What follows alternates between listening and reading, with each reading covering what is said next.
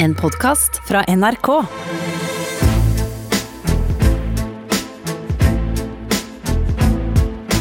Trump mot verden med Gjermund Eriksen og Sean Henrik Matheson. Velkommen til Trump mot eh, verden. Denne uka har det vært en del pressekonferanser som, det, som det har blitt delt mange eksempler av i sosiale medier. Eh, Vi tror likevel spørsmålet om Obama er det som eh, ja, er greiest å, å starte sendinga med i dag. La oss høre her. What crime exactly are you accusing President Obama of committing, and do you believe the Justice Department should prosecute him? No, no, I'm not going to answer for. No, no, no, no, no, no, I'm not answer for. Hva hørte vi her, Gjermund? Nei, det er en Facebook-slager, eller en sosial medier, eller nyhetsslager, om et lite barn som imiterer Donald Trump med mora si som spør. Og det har jo vært eh, Det kan være litt for moro å starte med, og, men eh, Donald har visstnok, ifølge Stephen Colbert, han som har eh, et talkshow i USA, kommet denne uka med det dummeste Steven mener han har sagt gjennom tidene, og da ligger lista veldig høyt, så vi tar den litt ned, men det er da eh, Donald prøver å forstå hvordan et menneske kan være frisk en dag, og så kommer det dagen etter, og så er det sykt. He cannot wrap his head around it. Hør her. So uh, she tested positive out of the blue. This is why the whole concept of tests aren't necessarily great. The tests are perfect, but something can happen between a test where it's good and then something happens, and all of a sudden, she was tested uh, very recently and tested negative, and then today, I guess, for some reason, she tested positive. Ja. Og, det er, og han tror da ikke på Sorry, tester. sorry. Jeg hadde ikke hørt den der før. Den er helt nydelig. Ja, og da kommer vi ikke engang til å spille det hvor han sier at han eh, At sykepleiere og leger går i døden når de behandler korona. Eh, Det er veldig beautiful. Ja, det er- sa han, ja, det har han også går. sagt, it's beautiful. Ja. Men vi skal ta dette på alvor også, Ja, ja, eh, så for all del. Strålende. Jeg heter Sean Henrik Matheson, og i dag er jeg også på NRK. Jeg kan se deg, Gjermund Eriksen, rett i øya for første gang på, på et par måneder. Det må jeg si er veldig, veldig fint. Eh, Produsent Silje Martinsen Vettre er, er her hun også. Alt er på plass, som om vi var i gamle dager! Det er helt eh, nydelig. En artig liten ting jeg har lyst til å melde med en gang, eh, sikkert du også, Gjermund. Vi har altså blitt TV-reklame. Ja, det er drøyt. Det er ganske fett på NRK TV. Bucketlist. Jeg har aldri vært det før. Nei, jeg har vært det et par ganger, og det er veldig stas, kan jeg si deg. Men jo, på NRK TV kan du fra i dag av se en liten reklame, eller promo, som det heter på, på fagspråket, for denne podkasten. Det, det er stas. Og jeg tenkte at dersom den skulle vise seg å fungere, eh, så kan det være greit å forklare hva vi holder på med, med eh, for nye lyttere. Kanskje du som hører på, akkurat du så den eh, reklamen. Veldig hyggelig at du prøver oss ut. Dette her er en podkast om amerikansk politikk med fokus på president eh, Donald Trump, selvfølgelig, og alt han foretar seg, alt som skjer i hans Amerika og, og hans eh, verden. Eh, Vår lille vri, eller vårt tilleggsperspektiv, er at vi sammenligner det som skjer i Trumps Amerika, eh, med hvordan TV-serier og filmer eh, lages, og det skal du få oppleve nå hvert øyeblikk når Gjermund, som vant en Emmy-pris for Mammon, skal begynne å tegne og forklare. Du liker at jeg sier det litt, grann, gjør ikke det, eller blir du bare flau av det? Jeg, så jeg er norsk, så det er, flau, det er flaut. Ja. Ok, Først litt eh, faktainformasjon. Det er eh, fredag formiddag. Det er 15. mai.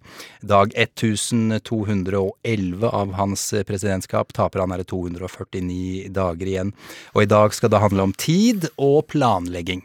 Ja, fordi det er et av de mest undervurderte og viktigste verktøyene vi har eh, i serier, og når man skaper serier eh, og dramatiserer, og i politikk. Å forstå og bruke og planlegge tid.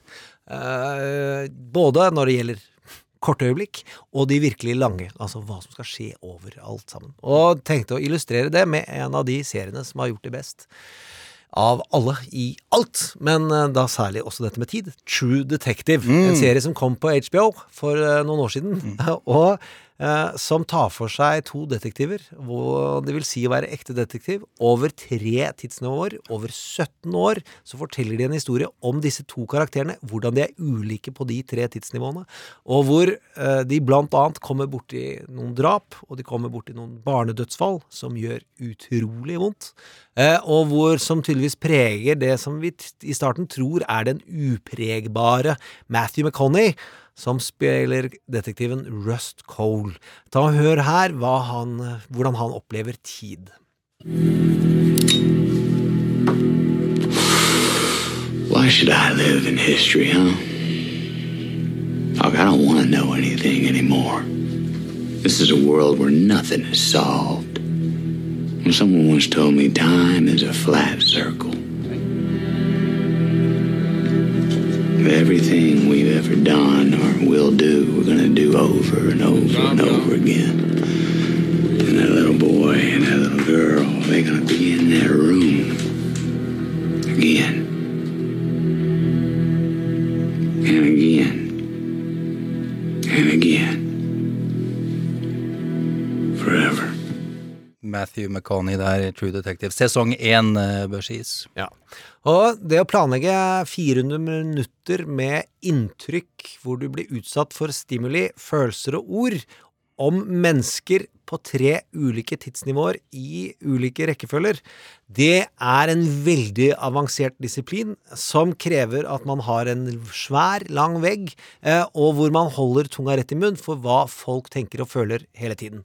Og det ligner noe på det man gjør i kommunikasjonsverden og reklameverden. Der jeg kommer fra, så heter det plannere ja. som driver med dette. Plannere har som ansvar å orkestrere inntrykk, følelser og tanker som du blir utsatt for over tid.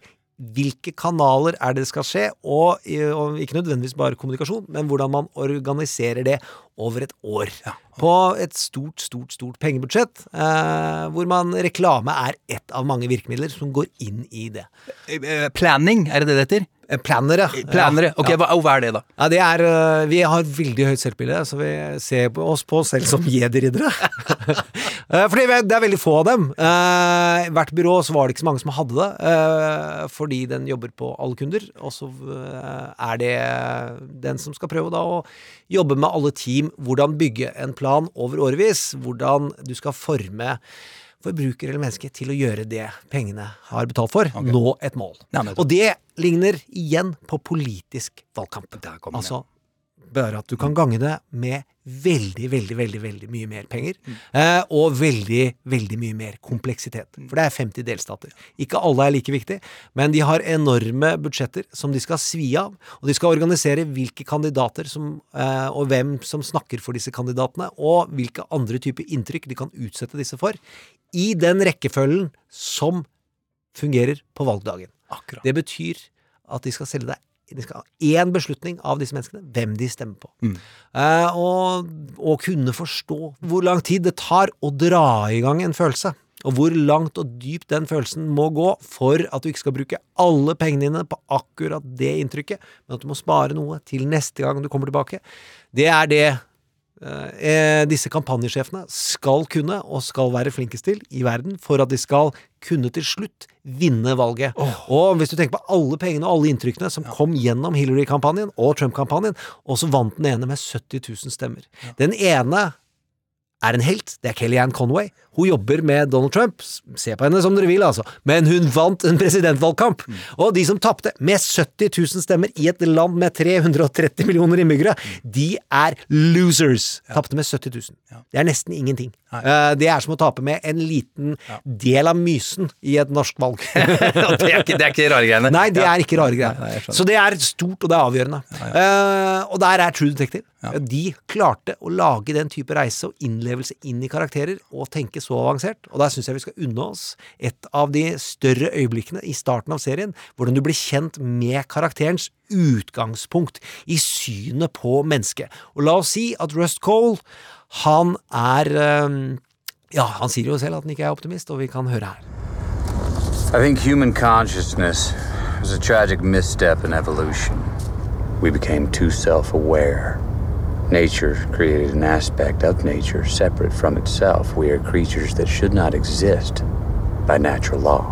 Hmm, that sounds god fucking awful, Rust. We are things that labor under the illusion of having a self, this accretion of sensory experience and feeling. Programmed with total assurance that we are each somebody, when in fact everybody's nobody. So, what's the point of getting out of bed in the morning? I tell myself I bear witness.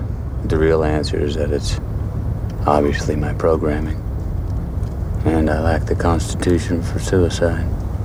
My luck, I picked today to get to know you. What, what, three months, I don't hear a word from you, and You asked. yeah, and now I'm begging you to shut the fuck up.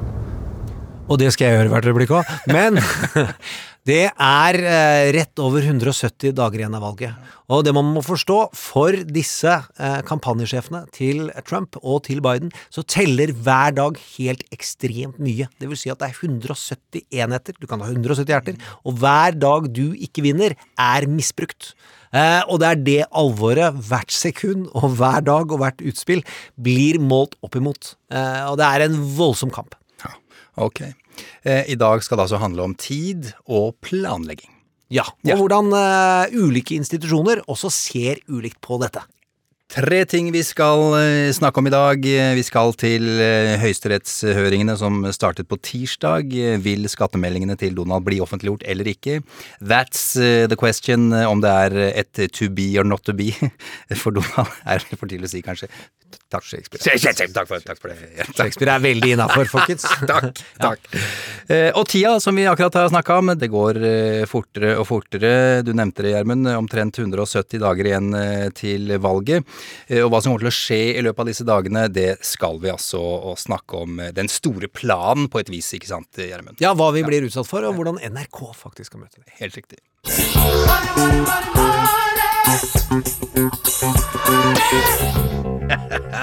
Vi skal snakke om penger òg. Må snakke om spenn eh, i dag. Pengene i politikken. I Amerika er det mye.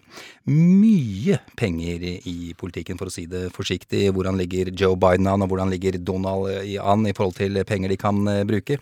Eh, Og et eh, viktig spørsmål. eh, Hva er skummelt? med så mye penger i politikken, fordi det er nemlig ganske skummelt.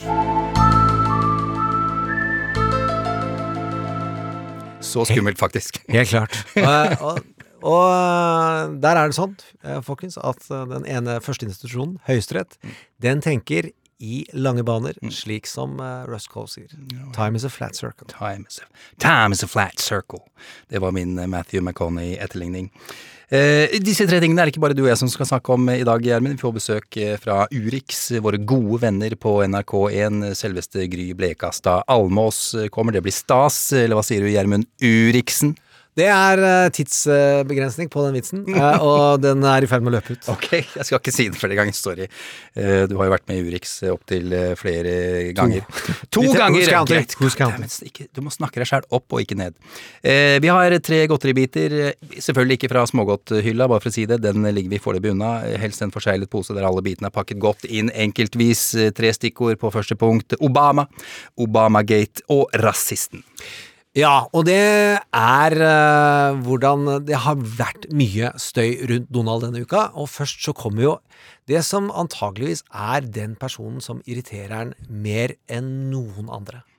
It has been an absolute chaotic disaster.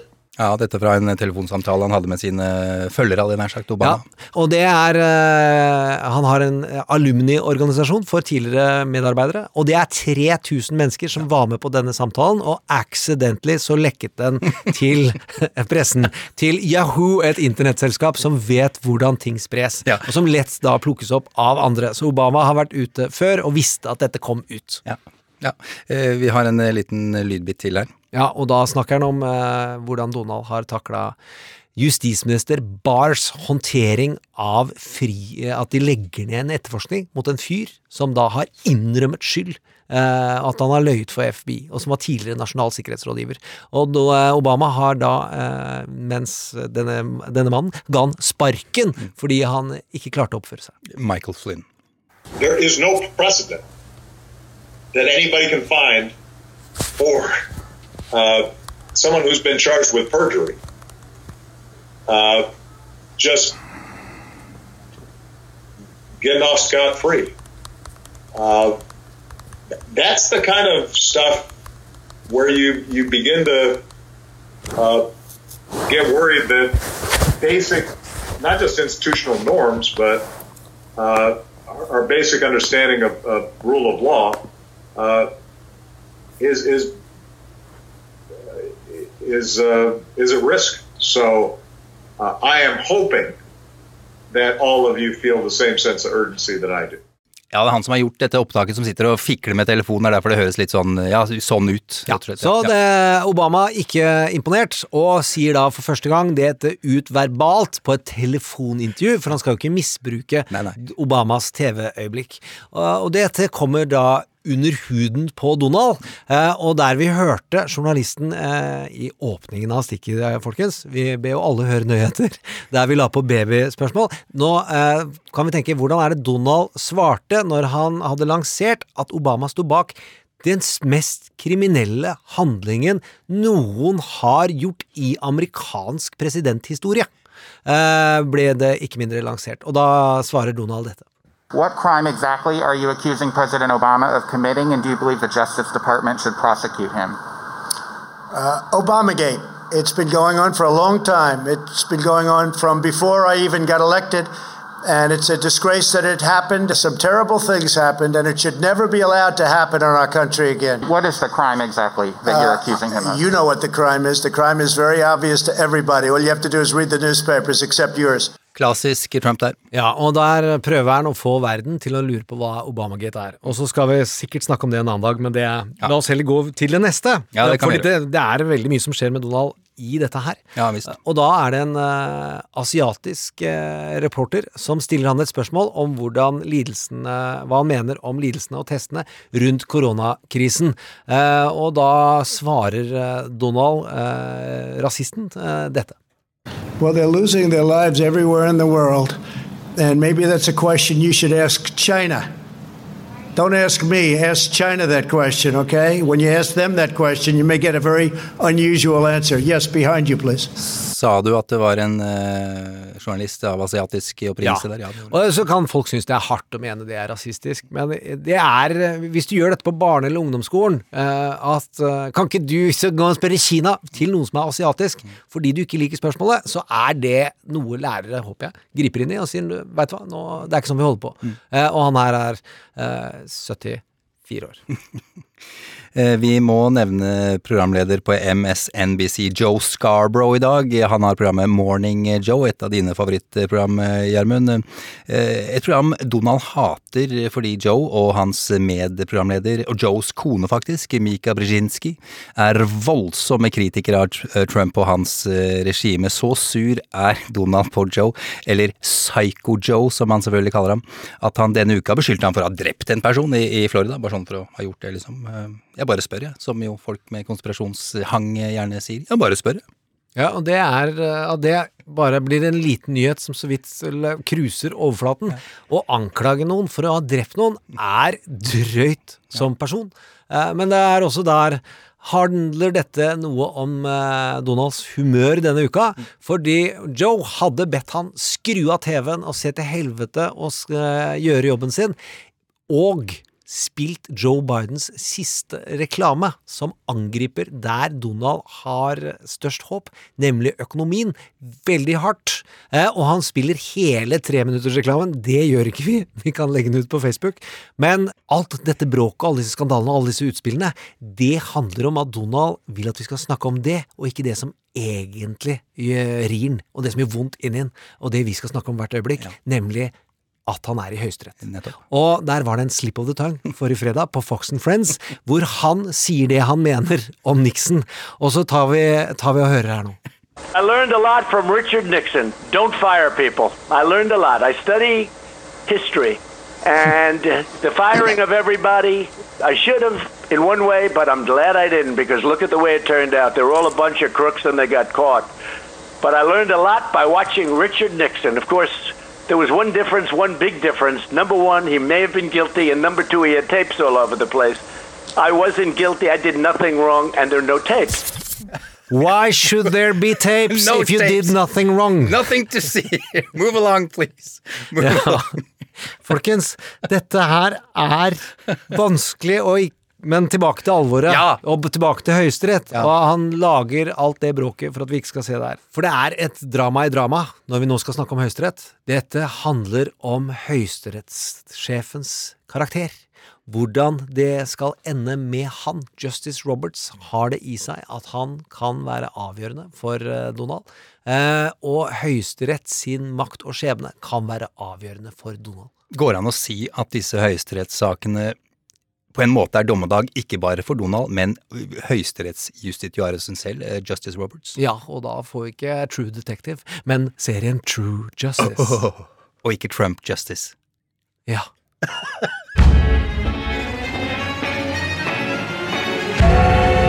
It's a sign of the judgment. It's a sign of the judgment. It's a sign of the judgment. Trump mot verden.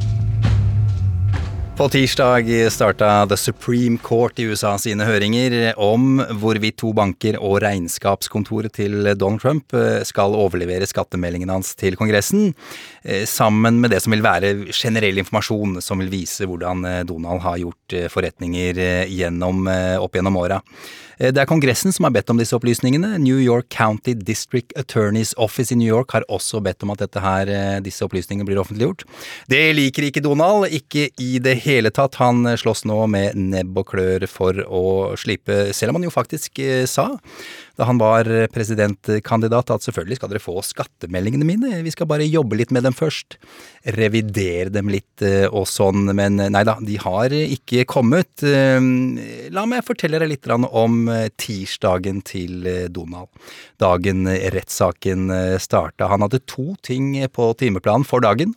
Klokka tolv på formiddagen hadde han sin Presidential Daily Brief, det snakka vi om eh, sist uke, var det vel. Eh, Det er et møte der han får siste nytt fra fronten, fra alle fronter som har med amerikansk sikkerhetspolitikk å gjøre. Et veldig, veldig viktig møte, med andre ord, som han stadig vekk ikke orker å være med på. Og klokka 16 på ettermiddagen skulle han møte republikanske senatorer. To ting på timeplanen, altså resten av dagen dundra han ut over 100 tweets om alt mellom himmel og jord. Ting han satt og så på på TV og, og slike ting. Og hvorfor forteller jeg dette her? Det kommer vi tilbake til eh, straks. Eh, Gjermund, hvor skal vi begynne? Kanskje med hvor viktig dette her er, at det er eh, selve statsmaktene som kjemper mot hverandre? Ja, det er jo uh, the separation of powers. Altså at vi har den eh, dømmende, den lovgivende og den utøvende. Eller i omvendt rekkefølge. Vi har den lovgivende, så har vi den utøvende, og så har vi den dømmende. Eh, og det vi ser konturene av i saken, det er jo at den utøvende ikke har lyst til å gjøre det den lovgivende ber om. Og det å svekke den lovgivendes makt overfor den utøvende, det er det mange er redd for. Eh, og at presidentens makt skal nærme seg ubegrenset. Eh, og der er det grenseganger som da Justice Roberts, og hvorfor vi sier det er avgjørende for han, eh, er jo at det er han som er på vippen. Det er jo ni medlemmer, og, og hvis han er, stemmer med de konservative, så kan det være går det Donalds vei, og hvis han stemmer med de liberale, så går det den andre veien. Ja. Så må det sies at i høyesterettssaker så er det ofte at det blir 9-0, altså. Ja, ja. Så det får vi se an. Det får vi se han. Eh, Det er vel hovedsakelig to argumenter i denne saken. Den ene er tid. Ja, det er eh, at Donald ikke har Man må ikke plage presidenten Nei, må ikke det. med uh, for mye granskninger og kjas og mas, eh, og som vi har tøysa litt med tidligere i andre sendinger, men som det kom ut da, fordi dette er, var veldig interessant å høre. Dette kunne du da høre for første gang. På telefon sitter disse og snakker, de har korona-offices, eh, og diskuterer. Og det å gjøre at presidenten ikke får gjort jobben sin. Det er mulig hvis du kontrollerer både Senatet og Representantenes hus. Da kan du drukne dem i høringer, og vi vil vite det, og vi vil vite det, og vi vil vite det. Og det er de opptatt av, å finne grensegangen rundt presidential harassment. Grunnen til at Donald hadde dårlig med innsats den tirsdagen, tirsdagen, eh, den dagen, og bare hadde to ting på plakaten, var jo fordi at han ville se på denne saken. Ja, selvfølgelig. Ja, og få folk til å se på noe annet. Men- Så da men- sitter han foran TV-en, Ja. Og så tweeter han om noe annet. Ja ja, men han er jo ikke kjent for å, å ha en fullstappa dag eh, heller, så det å skylde på at eh, hør her, presidenten har for lite tid til å kunne holde på med dette her, eh, altså eh, forsvare seg, er jo helt eh, er jo litt pussig, er det mange som mener. Unduly burdensome er det juridiske begrepet de bruker i USA, Gjermund. Ja, og det får vi jo bli, Må de ta og sette en grense for. Ja, ja, helt klart. Eh, Det andre argumentet, og det var derfor jeg for så vidt snakka om eh, dagen hans i innledningen også, bare for å gjøre det tydelig. Eh, Det andre argumentet, som vi husker fra riksrettssaken mot ham, eh, er jo at han som president ikke skal kunne granskes for noe kriminelt. Ja, og det er jo denne legendariske setningen han selv har sagt. I can stand in Fifth Avenue and shoot someone. I could stand in the middle of Fifth Avenue and shoot somebody, and I wouldn't lose any voters, okay? Eh, og det ble brukt som et eksempel i riksrettssaken at det kan ikke presidenten engang etterforskes for. Eh, om eh, han ikke kan dømmes for kriminelle handlinger. Og så har det i tillegg blitt brukt i rettssystemet under i ordentlige saker av Jay Sekulev, eh, hans advokat, eh, at nei, han skal ikke kunne etterforskes. Og det vi skal høre her, er eh, Justice Roberts som diskuterer med Jay Sekulov, og her ligner det på nemlig noe som har skjedd tidligere. At Nixon, han ble tvunget til å levere ut tapes. Og det de diskuterer, Agnew, det er hans visepresident, som også måtte avsettes, og, eh, eller var i ferd med å bli granska for kriminelle handlinger. Eh, og det er det eh, som diskuteres av Sekulov og Roberts, og hvor Roberts kjører Sekulov litt hardt. Counsel, for all that, you don't argue that the grand jury cannot investigate the president, do you? We did not seek to uh, have an injunction, as was the case involving Vice President Agnew, in enjoining the grand jury. We have targeted the utilization of the temporary immunity here to the subpoena. That's correct. Well, in other words, it's okay for the grand jury to investigate, except it can't use the traditional and most effective device that grand juries have typically used, which is the subpoena. It can't use a subpoena targeting the president. Der sier han nettopp at de eh, Ja, du kan eh, etterforske, men du får ikke bruke stevning. Altså, du får ikke ut informasjon fra han. Og sier høyesterettsdommeren at dette her er jo en ganske uholdbar posisjon, eh, får han si. Og dermed, og ved å gjøre det, så vil jo da i praksis hindre Så, så vil jo en president få frie tøyler, ikke sant? Basically. Det er det de frykter. Det er da den store bekymringen, og forskjellen på disse to eh, sakene er jo at den ene er det Kongressen som etterspør, og der er det vanskelige grenseganger som det kom fram mye mer nyansert hvordan Høyesterett er nødt til å sette grenser for hvor mye kan, kan Kongressen be om hva som helst når som helst. Eller vil de komme med en, sette en standard uh, slik at uh, ja, den voksne kommer inn og sier sånn må dere leke sammen fra nå. I den andre så er det kriminell uh, statsadvokater i New York som etterspør informasjon, og den ligner mye mer på Nixon-saken, og hvor det må være lov å etterforske kriminelle handlinger, eh, om det ikke skal være slik at du skal dømmes mens du sitter. Eh, og der virker det som det er mye klarere at dette vil Donald antageligvis bank i bordet, men det er Justice Roberts, you never know hvor det går hen. Eh, ikke går Donalds vei. Justice Roberts er jo da republikaner, bare for å være tydelig på det. Og dette vil jo kunne få eh, ja, Dersom disse opplysningene ikke blir offentliggjort, eh, Gjermund, så vil jo det kunne få store konsekvenser for demokratiet i framtida. Ja, hvis eh, han får frie tøyler, hvis det ikke er slik at han må åpne opp for informasjon. Men vi som håper på å bare se disse skattepapirene, hvis de kommer til statsadvokaten i New York, så er det god sjanse for at vi ikke får sett dem. De leker veldig sjelden. Eh, hvis de kommer til Kongressen, så er det god sjanse for at vi får sett dem. Og det er ikke sikkert at eh, det blir som vi ønsker i kongressaken. Eh, Som betyr hva da? Nei, det betyr at de vil ikke få skattepapirene hans, i hvert fall før uh, valget er over. Før valget er over. Eh, helt eh, på dampen her, eh, sånn apropos rettssaker og sånn. Eh, I 2016 publiserte USA Today en oversikt over alle rettssaker som Donald har vært involvert i. Du som hører på, tenk på et tall. La oss si du er 73 år gammel. Hvor mange rettssaker vil du da ha vært involvert i? Tenk Ja. på et tall. Tenk på et tall. Jeg, jeg har eh, Vi går videre. Over 4000 rettssaker er, er, er, Trump på en eller annen måte vært involvert i. Er ikke det helt 4000 rettssaker, det er helt vilt. Det er helt vilt. Ja. Et spørsmål som jo er viktig og stort her. eh, Det er viktig at Ruth Bader Ginsburg lever til 4. november. Er vi ikke enige om det, Gjermund? Jo, det er eh, det eneste som overgår at uh, Høyesterett setter grenser for uh, den utøvende statsmakt, og at presidenten er nødt til å stå ansvarlig overfor den lovgivende. Ruth Bader Ginsburg, hun er demokrat, eh, fylte nylig 87 år, vært på sykehus eh, den siste tida, eh, og ja, hun holder jo da balansen i, i The Supreme Court til en viss grad, da. Det er jo overvekt med én person på republikansk side. Noe mer enn det, da blir det vanskelig. Helt klart. Men folkens, dommen får vi seinere. I see the sign. Hey. I see the sign. Hey. I see the sign. Hey, Lord, time join now. That's the sign of the judgment. Hey. That's the sign of the judgment. Hey. That's the sign of the judgment. Hey, Lord, time join nigh. Jo da, tida flyr, det veit eh, alle som har nådd en viss alder. Plutselig går det så eh, satans eh, fort da, gitt. Eh, At det er 171 dager til valget kan virke lenge, men det har allerede gått 143 dager siden du satt og spiste ribbe og pinnekjøtt på julaften, og kunne ønske at noen kunne fylle opp akevittglasset i en rasende fart. Det går fort. Eh, Så hvordan bør tida fram mot valget dekkes av oss her i NRK? Eh, Være viktigste for deg og meg at vi får med oss?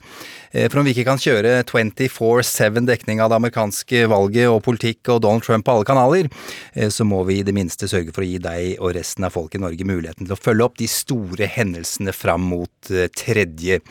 november. Og dette skal vi snakke med Gry Blekastad Almås om. Velkommen, Gry. Tusen takk. Eh, Tidligere London-korrespondent, eh, programleder i Dagsrevyen, og nå i Urix på NRK1 blant eh, mye annet. Eh, Gry, eh, hvor viktig er det amerikanske valget for Urix? Det er kjempeviktig. Jeg vil jo si at dette valget kanskje er det viktigste planlagte nyhetshendelsen dette året for NRK.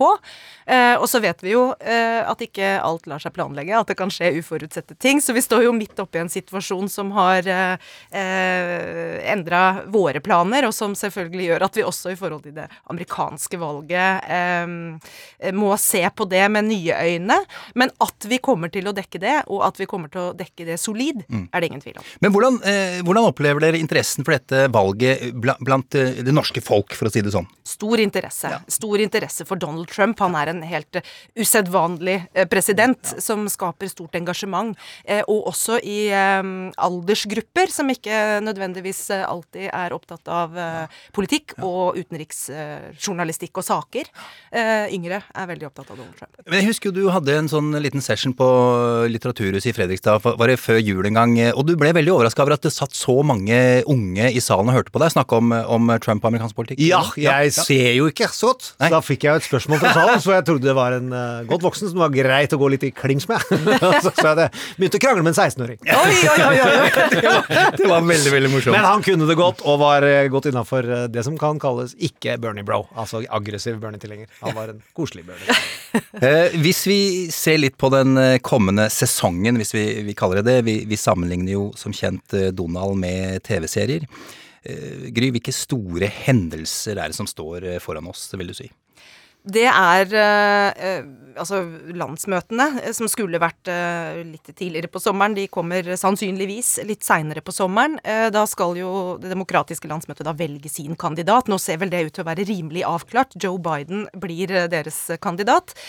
Så det er en, viktig hendelse. Og så er det jo da etter hvert disse presidentduellene mellom Donald Trump og Joe Biden, som starter i slutten av september og, og pågår gjennom hele oktober.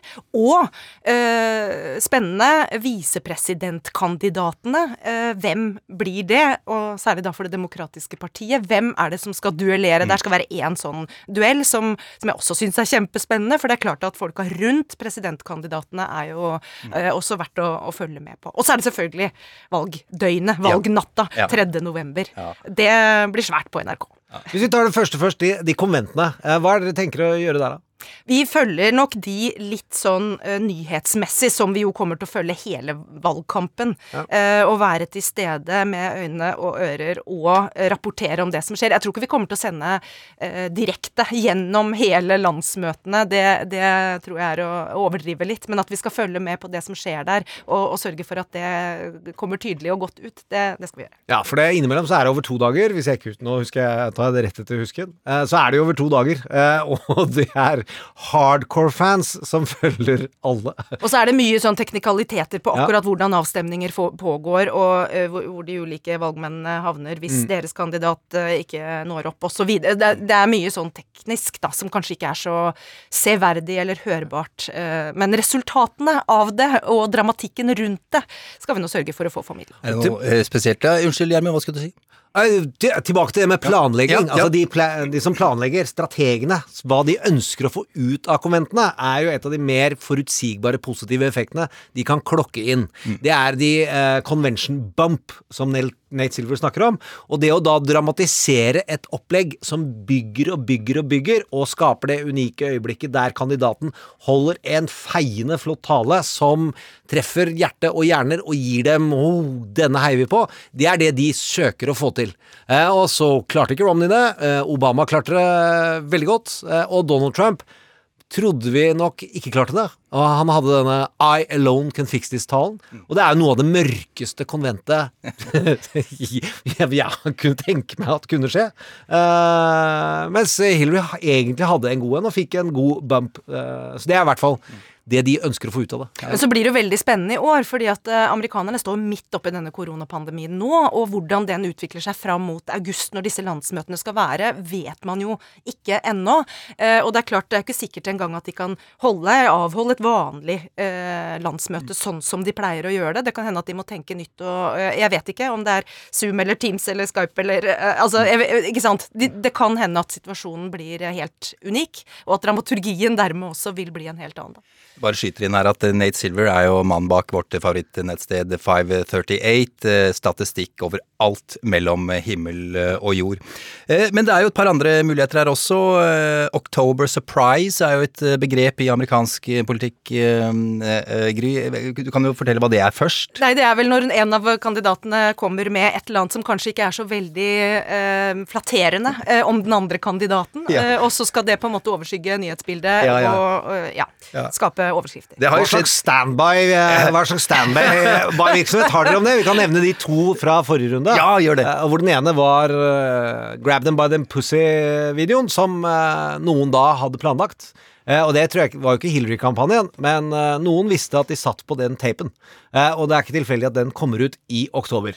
Eh, det samme var det med Hillary, eh, som det var noe verre med. Det var Comeys brev, hvor eh, FBI-sjefen kommer med et som ettertiden har vist, gjøkete utspill, som han selv har tatt avstand fra, og som eh, preget valget såpass mye at hun tapte. Ja, det var Eh, det er det Nate Silver og veldig mange er enige om, at den knakk hennes troverdighet, så hun tapte. Og da, òg, når dette skjer, så blir det massivt dekket. Hva, hvordan er det dere tenker om beredskap rundt disse tingene? Nei, ikke noe annen beredskap enn det vi alltid har i en nyhetsredaksjon. eh, At vi må uh, kaste oss rundt når det skjer store ting. Uh, og så må vi selvfølgelig være nøye med å se på hvem står bak disse utspillene, hva ligger bak av motivasjon osv. Har vi og tenkt å prøve å begynne med det? det. ja, skal vi Jeg begynne ikke med med Norge, det? jeg mente ikke Norge, men, jeg mente USA. Men Gry, hva er, hva er forskjellen på hvordan eh, NRK dekker valget og de amerikanske mediene, vil du si? Nei, de eh, er jo premissleverandører på en helt annen måte enn det vi som en eh, liten utenlandsk nasjon eh, kan være i et sånt valg. Sånn at vi i tillegg til å prøve å øke forståelsen av hvordan det amerikanske samfunnet ser ut akkurat nå, og hvorfor amerikanere gjør og sier og stemmer som de gjør, så skal vi speile hvordan amerikanske medier dekker dette valget, og hvorfor de dekker det sånn som de gjør. Så det, det er klart at det er, det er forskjell på det. Men eh, vil dere forholde dere til eh, holdt på å si begge sider, altså av eh, de som er for Trump og de som er mot Trump? Vil dere gjøre Altså jeg antar at dere gjør det, selvfølgelig. Åpenbart, vil jeg si. Og jeg tror kanskje noe av det største utfordringen overfor et norsk publikum er jo nettopp å eh, prøve å forstå og vise fram eh, hvordan amerikanere stemmer fram eh, Donald Trump i så stor grad som de da gjorde sist gang, og så får vi se i hvilken grad de gjør det også nå. Men eh, det er noen strømninger der i amerikansk samfunn og kultur som jeg tror mange i Norge har vanskelig for å, å forstå. Og nå etter snart fire år også med Donald Trump, med uh, alle hans uh, uh, uortodokse måter å være president på, og blant annet dette med at han stadig er blitt tatt i løgn, at folk fremdeles stemmer på han, tror på han og mener at han er den beste til å lede landet, er det mange som ikke klarer å forstå. Og jeg tror at de sidene ved det amerikanske samfunnet må vi synliggjøre eh, tydelig og godt. Um, ja, nå er vi liksom over på eh, noe vi stadig spør uh, når vi har journalister på besøk, Gry. Hva er, det, hva, hva er vanskeligst ved å dekke Trump i forhold til det du akkurat har fortalt om ham nå, og hvordan han oppfører seg? Det er flere ting. Um, uforutsigbarheten er selvfølgelig én. At, at uh, han ser ut til å gjøre ting veldig av egen maskin, som uh, ofte også er motstridende til hva administrasjonen gjør. Sånn at uh, presidentskapet som sådan taler med flere tunger, holdt jeg på å si. Um, det er det ene. Og så er det mengden. Fordi det kommer utspill hele tiden som jo er um, Hver og en av dem er verdt å nevne på mange måter, fordi de er så spesielle. Men de er også designa for å uh, få overskrifter og for å få spalteplass osv. Mange av dem. Så vi må hele tiden liksom klare å balansere mengden, da, og hvilke utspill mm. eh, som er, er verdt den oppmerksomheten. Og det er ikke alltid lett. Altså. Så det er jo løpende vurderinger hele tiden. Det er ikke noe fasit. Han bruker jo skandale som metode. Altså Han sier lage skandale', så sier, lyver han om seg selv ofte. Og bare google det, folkens. Sånn 16 000 løgner på tre år. Så skandale lyver om seg selv. Og så er, mener jo jeg at de overskriftene som er i skandalene, selv om det presiseres etterpå at dette vet vi ikke godt nok, og han her, kommer her med en løgn, de fungerer likevel. Så det er hvordan skal du kringkaste skandalen, fordi det er nyhetsverdig at en president gjør det. Uten at skandalen skal ha negativ effekt. Men, men, men så har vi også en oppgave i å se forbi det og se på de faktiske resultatene som eh, den nåværende administrasjonen med Trump i spissen får til. Hva fører deres eh, politikk til? Eh, og det er jo ikke bare eh, elendighet, som man kanskje kan få eh, inntrykk av noen Mm. ganger, fordi det er så mye Alle disse rare tingene skygger litt over de faktiske tingene, da. Mm. Så, så der er det også en, eh, en, en, oppgave vi har, som vi prøver å, å fylle så, oppfylle så godt vi kan. Og nettopp at han leverer på politikk er vel også noe som gjør at kanskje flere amerikanere også fortsetter å stemme på ham sånn i bånn, kan man vel kanskje si. Og så var det en analyse selvfølgelig fram til korona, jeg kommer jo tilbake dit, for det Mhm. forandrer ganske mye, Ja. ikke sant? Det var en økonomisk situasjon i USA som så bra ut for Donald Trump. Eh, Den økonomiske situasjonen ser helt annerledes ut eh, nå, og det var kanskje eh, i hvert fall ett av hans sterkeste kort, kanskje det sterkeste kortet. Hvordan forandrer måten han har håndtert koronasituasjonen og følgene av tiltakene som eh, iverksettes, hvordan, hvordan påvirker det valgkampen videre? Når den kommer i gang, da. Det er jo litt sånn stillstand akkurat nå. Helt slutt så må jeg bare vite det. Vil dere sende debattene live? Ja, det er planen. Yes. Vi vil sende både presidentdebattene og, tror jeg, visepresidentdebatten live midt på natta med eh, noe stæsj rundt, som jeg tror kan bli eh, veldig bra. Men, eh, men, men detaljene skal vi komme tilbake til seinere, tror jeg. Ja, men det, det er moro. Det var gode nyheter. Ja. Eh, nå skal vi over til noe som handler om å, å skaffe mer tid til påvirkning. Eh, mer tid eh, der inntrykk kan prege velgerne. Vi skal snakke om penger. Ja. Og så vil jeg si at dette valget, hvis det gjøres riktig, og vi følger ordentlig med, så blir det mer spennende enn True Detective. Oh, oh, oh.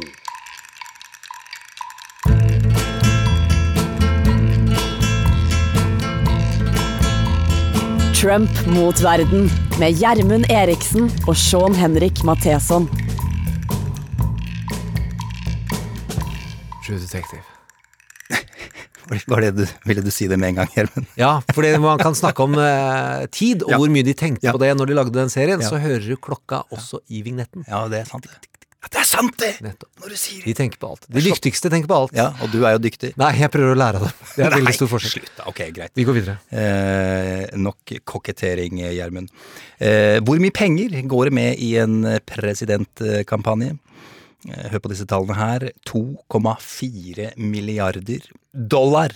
Cirka 25 milliarder kroner. Summene er helt hinsides, eh, og det bør jeg forresten si med det samme. Dette er tall fra 2008!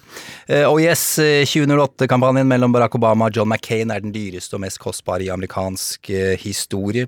Men i år, i år eh, 2020, mellom Joe Biden og Donald Trump, så vil rekorder bli slått eh, på ny. Og bare for å nevne det også, penge, i pengerekordåret 2008 så ble det til sammen brukt 5,3 milliarder dollar til sammen for alle kandidater, politiske partier og interesseorganisasjoner til kongressvalget og presidentvalget. I år hevder enkelte at så mye som 10 milliarder dollar vil være brukt når vi kommer til eh, november. Det er ikke til å tro. Gry, hva tenker dere i Urik som alle disse pengene? Eh, Akkurat nå er jeg veldig forvirra. jeg ser det! Ser det på deg! Det er så mye tall, og Ja. det er så høye summer Ja. at du liksom ikke aner hvor mye det er snakk om. Ehm, hva tenker vi i Urik som det? Jeg tenker at eh, selvfølgelig skal valg og valgkamp koste penger, det er ikke noe tvil om at det gjør det. Men, men det er jo noe med hvordan man er avhengig av penger, ofte privatpenger, for å i det hele tatt kunne stille som kandidat. Så det er jo noe med at det er ikke hvem som helst som kan engasjere seg i politikken. Du må ha rike venner på en eller annen måte, eller skaffe deg det. Um, og så er jeg rett og slett litt sånn um, opptatt av åpenheten rundt det, da. For jeg tror at jo mer transparent det systemet er, jo greiere er det på en måte. At vi vet hvem som har sponsa de ulike kandidatene. Så vet du kanskje litt også hvem de er i lomma på. Mm. Uh, og jeg har et inntrykk av, dette er jeg ikke ekspert på, jeg har et inntrykk av at det ikke alltid er så åpent Mm. i amerikansk politikk. Det er jo nettopp lukket, fordi uh, Høyesterett med Citizen United, som vi dropper ganske mange ganger, uh, høyesterettsdom som sa at penger equals freedom of speech, så du skal ikke nødvendigvis kre avkreve hvem som står bak pengene. Pengene har ytringsfrihet i seg selv. Og da har vi de pengene vi har sagt nå, 10 milliarder som skal brukes i valget. Inni de så er det jo da mange penger hvor vi ikke vet hvem pengene er fra. Og som brukes på ulike kandidater, og brukes eh, også bare på å støtte meninger og ødelegge for folk. Og det mener jeg jo er problematisk. Og fordi- journalisters jobb å ja, finne ut. Å finne ut, da. Absolutt. Men går det an å se noen bindinger her gjennom alle disse pengene? Synes det på noen måte, eller bare tenker vi og tror det? Trump-kampanjen er jo en eh, innsamlingsmaskin som vi har snakka altfor lite om. Er at de er den mest imponerende innsamlingsmaskinen gjennom tidene. Og da slår de altså Barack Obama, som var den største moneygrabberen eh, amerikansk historie noen gang har sett. Så penger brukes på begge sider. Eh, og Donald Trump eh, har da en tradisjon for at tjenester lønner seg. Og det har han sendt signaler gjennom hele sin presidentperiode.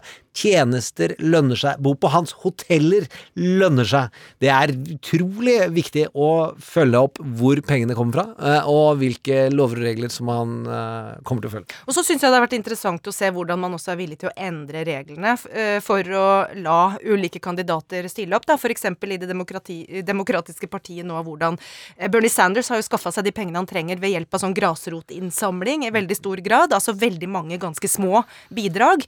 Eh, mens eh, Bloomberg, som jo kom inn og, og, forsvant ganske fort ut igjen av valgkampen der, kom med sine egne penger og hadde ikke mange givere. Han hadde egentlig bare sine egne penger, eller i hvert fall i all hovedsak det. Og det er, var egentlig ikke lov i Det demokratiske partiet, men det tillot de for at han skulle stille. Mm. Så det er, uh, det er mange sider av dette her.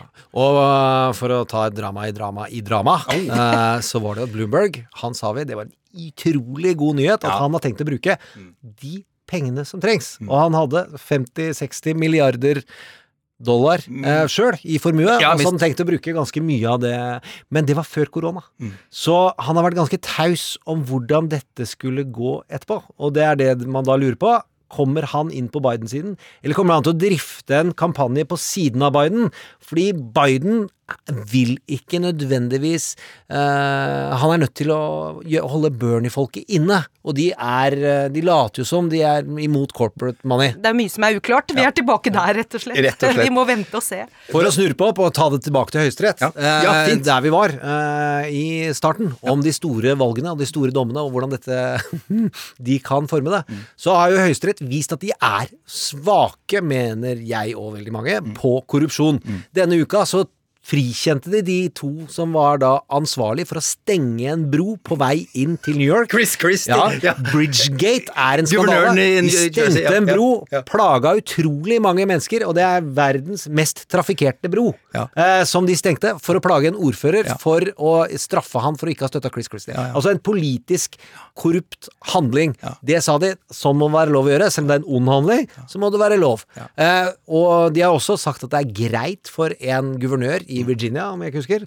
Eh, helt feil, McConnell ja, vi sier at han Kai het det i dag. Ja, i dag han fikk lov å ta Rolex-klokker, helt greit. Barnas bryllup, det var greit. Det er eh, Det var greit nok for eh, Høyesterett.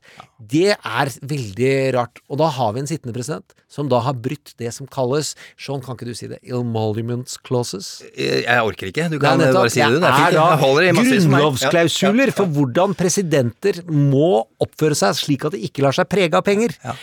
Der kommer det også saker på banen hvor de eh, forhåpentligvis setter ned foten. Eh, Du som hører på, sjekk ut den Chris Christie og brostenging-saken. Utrolig interessant og rart eh, å lese om. Gry, vi skal til ukas karakter. Den har du tatt med deg. Ja, um, fra film. Uh, vi skal til uh, britisk film. En uh, liten feel good-film. Ah. Litt sånn klisjéprega, kanskje, Gleder men meg. veldig, veldig deilig. Shakespeareansk storhet. For Ja. det er ikke lov å kalle dette Dette, dette klisjéaktig. jeg gleder meg.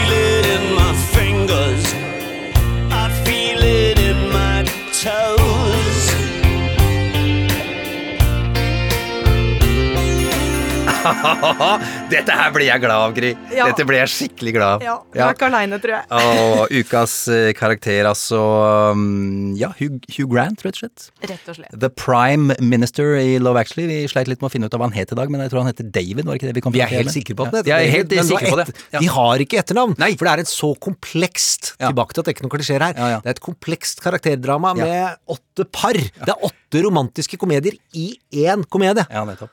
Ja, Men jeg, det er jo sikkert også bevisst, tenker jeg, fordi han er jo på en måte bare en helt vanlig mann som er statsminister. Ja. Altså han, det, er, det er noe der, så han trenger ikke å ha et navn, egentlig. men, men Gry, eh, hvorfor har du valgt uh, The Prime Minister i Love Actually som ukas karakter? Nei, det er jo fordi jeg elsker britisk politikk, selvfølgelig. Ja. Men det er jo ikke bare derfor. Det er fordi det er så gjenkjennelig òg, ikke sant. Det er særlig den der scenen når han står inne i uh, Downing Street nummer ti og tror han er helt alene, og så begynner å rykke litt i den ene skulderen, og så litt i den andre skulderen, og så kommer Pointer Sisters mer og mer, ikke sant. Åh. Jump. og så tar det helt av, og så danser han seg gjennom eh, trapper og korridorer, og, og helt inntil han ser at eh, rådgiveren, eller hvem det nå er som kommer Ja. inn døra der, da, eh, avsløreren. Ja. Eh, vi har alle vært der, har vi ikke det? Jo da, visst pokker har vi det. Eh, jeg har lest et eller annet sted at Hugh Grant måtte drikke seg opp for å orke å danse rundt eh, i den filmen, i den scenen der. Eh, vi har en eh, flott eh, liten scene fra Love Actually, Gjermund. Ja, det er jo, eh, for å gjøre det litt relevant til eh, det dramaet vi er i, så er det jo at eh, den amerikanske presidenten kommer. Og han er jo den skodd eh, eh, som en kombinasjon av George Bush og Donald Trump, egentlig, når vi tenkte etter litt i dag. For det han har gjort rett før denne scenen, det er å være frekk mot mange, men han det kan virke som grabs her almost by the Altså den store kjærligheten til pr- prime minister David. eh, har han prøvd å legge han på på en skikkelig vulgær og ond klåfingra måte. Prime Minister. I love that word relationship. Covers all manner of sins, doesn't it? I fear that this has become a bad relationship. A relationship based on the president taking exactly what he wants and casually ignoring all those things that really matter to um, Britain. We may be a small country, but we're a great one too. Country of Shakespeare, Churchill, the Beatles, Sean Connery, Harry Potter. David Beckham's right foot. David Beckham's left foot, come with that. And a friend who bullies us is no longer a friend. And since bullies only respond to strength, now onward, I will be prepared to be much stronger. And the president should be prepared for that. Grant leverer alltid. And then they gave us Boris Johnson. oh my god, fantastisk eh, bra ukas karakter, eh, Gry. Det har vært en glede, og det har vært stas å ha deg på besøk. Eh, tusen takk for at du kom. Kom gjerne igjen. Urix, når er det på neste gang? Det er på onsdag Ja. ti på halv ti, Ja. NRK1. Vet dere hva det skal handle om allerede nå, eller? Nei. Eller? Jo. Vi, vi- vi vet at vi tror at vi skal eh, behandle eh, vaksinasjonskampen. Vaksinekamp, altså kampen for å utvikle en vaksine mot eh, dette viruset. Ja, interessant vitnemål i går fra dr. Bright, eh, som jo vitna for eh, Kongressen, Senatet, Gjermund, var ikke det? Senater, ja. Senatet, ja, ja, ja. Uh, ja, men det kommer dere altså tilbake til. Det blir spennende å høre på. Tusen Og alle takk må krysse fingrene Ja. for at det viktigste uh, Urix dekker uh, denne høsten, blir det amerikanske valget. Mm. Alternativet er at det har starta noe i verden som verden ikke trenger. Altså type krig. Regner jeg med. Oh, shit. Ja, nei, det Så bank i bordet. Ja, bank i bordet. Det er lov å håpe. Ja, vi satser på det. Det, det må vi satse på. Gry, tusen takk. Tusen takk skal dere ha. Trump mot verden med Gjermund Eriksen og Sean Henrik Matheson. Eh, vi nevner eh, vår eh, Facebook-side, Trump mot eh, verden. Der er det full fart. Et sted for glede og undring, og for eh, gode relasjoner. Så jeg syns folk skal huske på at eh, målet der er ikke å bombe hverandre i huet med konspirasjonsteorier eller eh, mye annet rart. Vi diskuterer, Ja, ja. Vi diskuterer amerikansk politikk. Ja. Men så legge ut ting og tang som folk syns er morsomt. Helt riktig, men veldig lite av det der maset må jo kunne gå an å si. Ja da. Jeg syns folk er er veldig veldig fine i det store og hele, må jeg si. Eh, nevner også vår mailadresse trump at nrk.no, selvfølgelig. Eh, Send mail hvis du er keen på det. Eh, ja, skal vi gå løs på eh, ukas åpningsscene av den feteste TV-serien som kommer til å bli laget, som heter Trump mot verden? Dyr er den også. Ja, jeg Ja. solgte den inn veldig høyt, så Ja, vi tar ja, ja. den ned først. Ja. Det er jo 1 milliard kroner eh, som første sesong skal koste. Eh, og så har vi utfordra våre lyttere til å foreslå sanger som ligger på en egen Trump mot verden Spotify-liste. Veldig kult. Og vår jobb er da å prøve å lage ulike typer serieåpninger eh, som bygger på de sangene som da er valgt ut. Og det er en fet spilleliste, og det kan vi skryte av, for det er seerne våre. Ja, ja, ikke vi som lager det. Eh, ja, ja. Mm. og da skal jeg prøve om med, med en scene. Ja, nydelig. Gleder meg. Ja.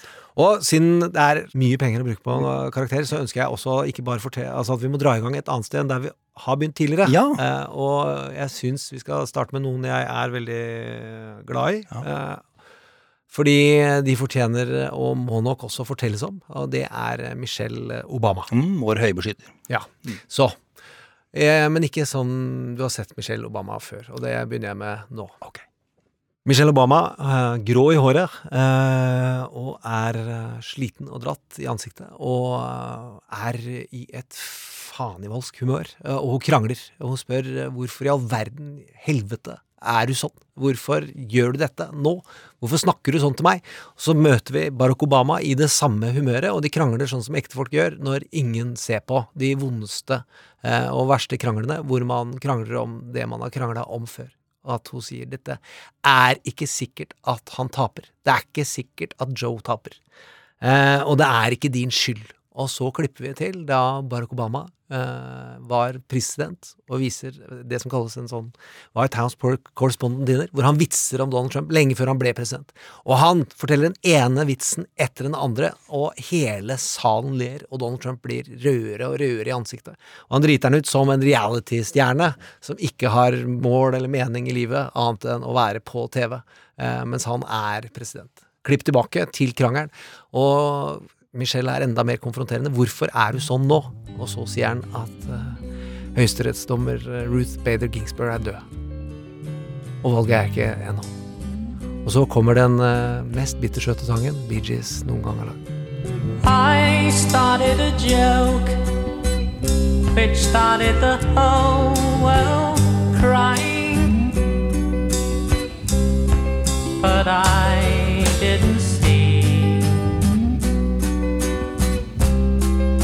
the joke was on me. Oh myself. I started to cry, which started the whole world laughing. Oh, if I'd only seen that the joke was on me.